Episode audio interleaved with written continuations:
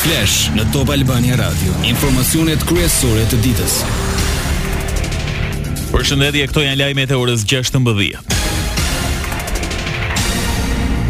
Përfundon mega operacioni policor i shtrirë në Krujë, Kurbin, Mirditë, Vau i Dejës dhe Shosh Shkodër. Si përfundim janë asgjësuar 3095 bimë fidan kanabis dhe janë shpallur në kërkim 8 persona. Ndërkohë në bashkëpunim me prokuroritë respektive vijojnë hetimet e thelluara për zbardhjen dhe dokumentimin e autorësisë së këtyre rasteve. Po sot një operacion antidrogë u zhvillua edhe në Korçë, ndërsa 8 persona ranë në pranga. Mësohet se operacioni u zhvillua gjatë natës, ndërsa 8 të arrestuarit dyshohej se shpërndanin kokainë nëpër lokalet e natës. Gjatë aksionit u kontrolluan dhjetra banesa dhe lokale, u sekuestruan rreth 300 gram kokainë pesë kilogramë kanabis, telefona, automjete si dhe sasi parash. Katër persona janë arrestuar në Durrës për ushtrim dhe shfrytëzim prostitucioni kryer në bashkëpunim. Ata shfrytëzonin për prostitucion një shtetase duke i siguruar asaj klientë të ndryshëm dhe hotele në qytetet e Durrësit, Kavajës, Lushnjes dhe të Fierit kundrejt pagesave.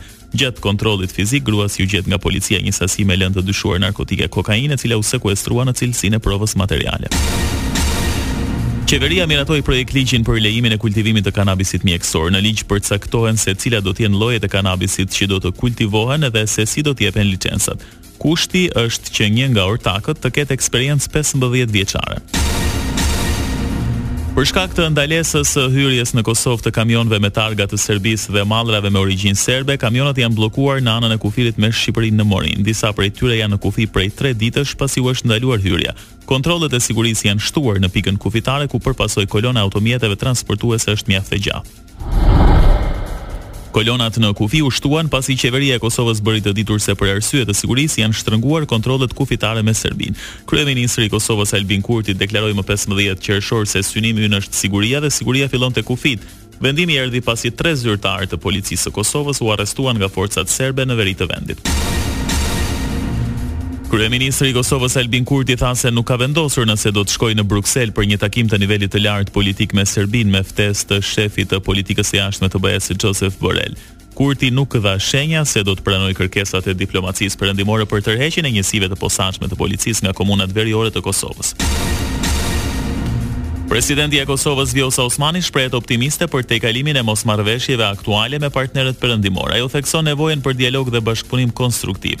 Presidentja Osmani është shpresëplotë se marrëveshjet aktuale do të jenë në fuqi. Në një takim me korrespondentë politikë gjatë qëndrimit të saj në Berlin, Osmani tha se është koha të ulen për të gjetur një zgjidhje të qëndrueshme.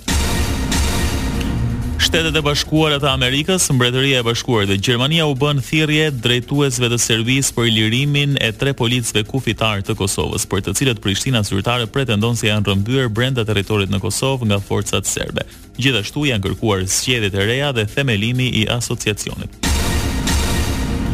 Por, drejtori i Zyrës për Kosovën në qeverinë serbe Petar Petkoviq komentoi për mediat deklaratat e ndërkombëtarëve që kërkuan lirimin e menjëhershëm të tre efektivëve. Petkoviq thotë se është hipokrizi fakti që ata kërkojnë lirimin e policëve, ndërsa shton se nuk e vendosin ata kur lirohen, por do të veprojnë sipas ligjit. Sipas tij, Kurti kërkon të ndezë një luftë jo vetëm në veri, por në të gjithë rajonin. Lajme nga bota. Jens Stoltenberg pritet t'i kërkohet të qëndrojë si sekretar i përgjithshëm i NATO-s edhe për një vit, kjo pasi aleanca ka luftuar për të vendosur për një zëvendësim përpara një samiti në mes të korrikut në Lituani. Stoltenberg, një norvegjez i cili ka kaluar nëntë vite në këtë post dhe do të japë dorëheqje në fund të shtatorit pasi i mbaron mandati, ka mbështetje të gjerë në mesin e aleancës, dhe vazhdon të jetë një udhëheqës efektiv. Rusia ka stacionuar grupin e parë të armëve taktike bërthamore në Bjellorusi, tha presidenti rus Vladimir Putin. Putin tha gjatë një forumi se këto armë do të përdoren vetëm nëse shteti apo territori rus kërcënohen. Qeveria amerikane tha si kundërpërgjigje se nuk ka indikacione se Kremlini po planifikon të përdorë armët bërthamore për të sulmuar Ukrainën. Ka shkuar në 41 numri i personave të vrarë, shumica nxënës dhe 8 janë në gjendje kritike në një shkollë në perëndim të Ugandës nga rebelë të lidhur me grupin militant ISIS. Policia tha se sulmi i së premtes është kryer nga forcat aleate demokratike një grup ugandez me seli në Republikën e Kongos. Autoritetet njoftuan se ushtria është duke ndjekur pjesëtarët e grupit, të cilët janë arratisur drejt Parkut Kombëtar Virunga. Ndahet nga jeta në moshën nëntëdhjetë e një vjeçare Naum Prifti, shkrimtar, skenarist, eseist, dramaturg, një figurë e rëndësishme e letrave dhe kulturës shqiptare. Prej vitesh ai jetonte në SHBA, ku për vite me radhë drejtoi edhe Vatrën, duke u bërë një zë i fortë i çështjes shqiptare ashtu si kohë më parë vëllai i tij Peter Prifti, Krijimtaria e tij letrare është e larmishme dhe shtrihet në disa gjini, tregime, drama, komedi, novela, skenare filmash e të tjerë. Sport. Kuqezinjtë e Kombëtares zbresin sot në fushë në Air Albania në sfidën e dytë të grupit E të eliminatoreve të Euro 2024 kundër Moldavisë. Debutim në Shqipëri për trajnerin brazilian Sylvinho, i cili tha se Shqipëria është gati për të marrë maksimumin nga kjo sfidë. Shqipëri Moldavi nis nga ora njëzet e dyzet e pesë dhe transmetohet në Super Sport dy. Duke nisur nga këto çaste, rrugët përreth stadiumit Air Albania do të bllokohen nga policia. Ndoqët një përmbledhje kryesore të lajmeve të ditës, unë jam Edi Hallaçi. Kjo është Top Albania Radio.